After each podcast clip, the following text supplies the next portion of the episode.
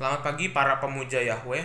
Puji dan syukur kita naikkan kepada Tuhan, kita pujikan segala syukur kita atas kebaikan Tuhan di hari kemarin dan hari ini kita mau bersama-sama menjalaninya dengan sebuah keyakinan bahwa kita mau dekat-dekat terus sama Tuhan. Kita mau jadikan Tuhan pegangan kita. Kita pujikan bersama-sama PKJ 258, PKJ 258, ku ingin selalu dekat padamu. Baik pertama dan yang kedua PKJ 258. Tanganku. Langkahku Kau pegang Hidupku. Ku ingin selalu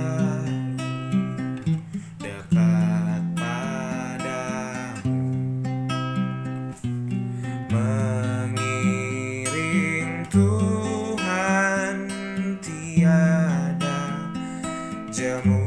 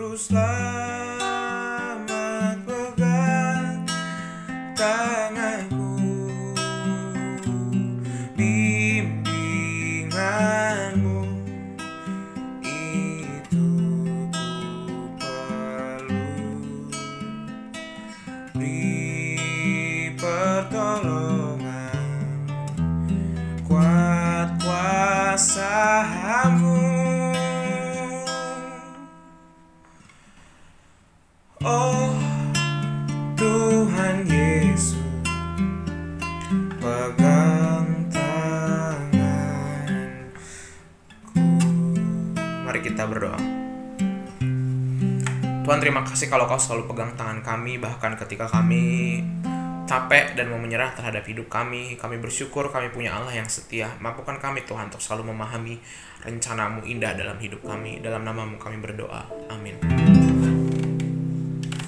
Kita bersama-sama akan membaca dari Yosua. Yosua. Yosua 18 Yosua 18 ayat 1 sampai 7. Yosua 18 ayat 1 sampai 7. Yosua 18 ayat 1 sampai 7 demikian sabda Tuhan. Maka berkumpullah segenap umat Israel di Silo lalu mereka menempatkan kemah pertemuan di sana karena negeri itu telah takluk kepada mereka. Pada waktu itu masih tinggal tujuh suku di antara orang Israel yang belum mendapat bagian milik pusaka.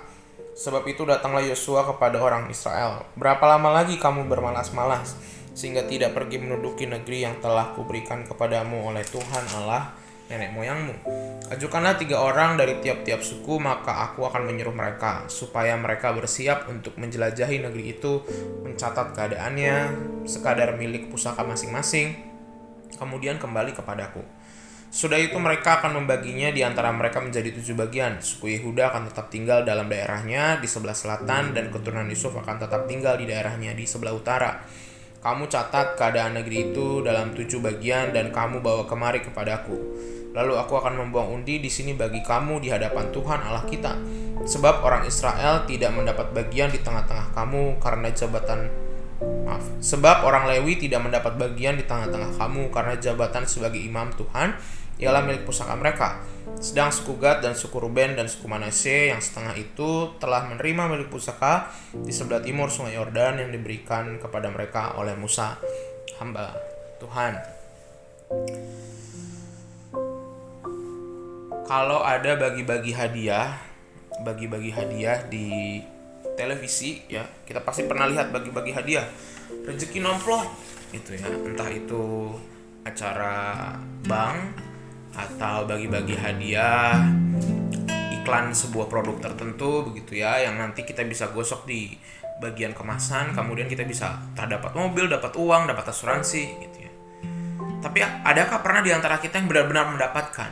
Saya secara pribadi paling banter pernah dapat hadiah waktu itu gosok minuman dalam botol dia dapetnya satu lagi gitu. Cuma itu aja biasanya. Saya nggak pernah dapet yang besar-besar teman-teman di sekitar saya pun saudara-saudara saya rasanya kayaknya jarang ya yang dapat hadiah. Bagaimana dengan saudara-saudara di rumah? Apakah pernah menang hadiah undian begitu? Rasanya kalau ada bagi-bagi rezeki itu kita kayaknya nggak nggak pernah merasakan secara sering gitu ya. Karena kita rasa itu hal yang nggak mungkin gitu ya dan rasanya mending kalau bagi-bagi itu mungkin orang-orang lain yang mungkin ada yang lebih butuh kali ya daripada kita berbagi ya hidup ini bicara soal berbagi banyak orang yang mungkin tidak merasakan kebahagiaan uh, yang namanya kebahagiaan. Banyak orang yang lebih susah dari kita. Kita rasa kita udah susah ada yang lebih susah lagi gitu ya. Tapi bicara soal berbagi saya rasa kok Tuhan nggak pernah membagi sesuatu itu tidak adil. Adil tuh nggak selalu sama rata. Adil itu bisa jadi saya dapat satu kamu dapat tiga saya dapat lima bisa jadi kenapa saya dapat lima? Karena mungkin habis itu saya akan mendapatkan susunan yang lebih besar dari yang lain. Kenapa saya cuma dapat satu? Mungkin karena habis ini hidup saya bakal aman-aman aja. Sehingga kadang kita harus melihat yang namanya keadilan itu ada ada masa-masanya adil itu sama rata ada ada waktunya seperti itu. Tapi juga ada waktunya adil itu sesuai dengan apa yang sebenarnya kita butuhkan dalam hidup kita. Nah umat pada saat itu ketika beberapa suku udah mendapat bagian. Ada beberapa suku yang merasa loh kok kita belum dapat ada suku-suku seperti Manasye pun dapatnya banyak ada yang Lewi yang nggak dapat apa-apa cuma dapat tempat ibadah. Beberapa suku lain juga bahkan mereka sebagai tujuh daerah kecil gitu ya. Sehingga kadang kita harus belajar mensyukuri bagian kita gitu.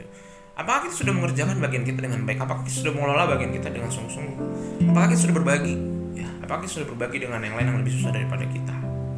Mari bersama-sama di hari ini kita mau berbagi ya. Kalau kita punya uh, kelebihan apa pun tidak hanya materi waktu perhatian kita bisa bagi kepada banyak orang di sekitar kita. Karena banyak orang yang membutuhkannya. Tuhan mampukan kita. Mari kita berdoa.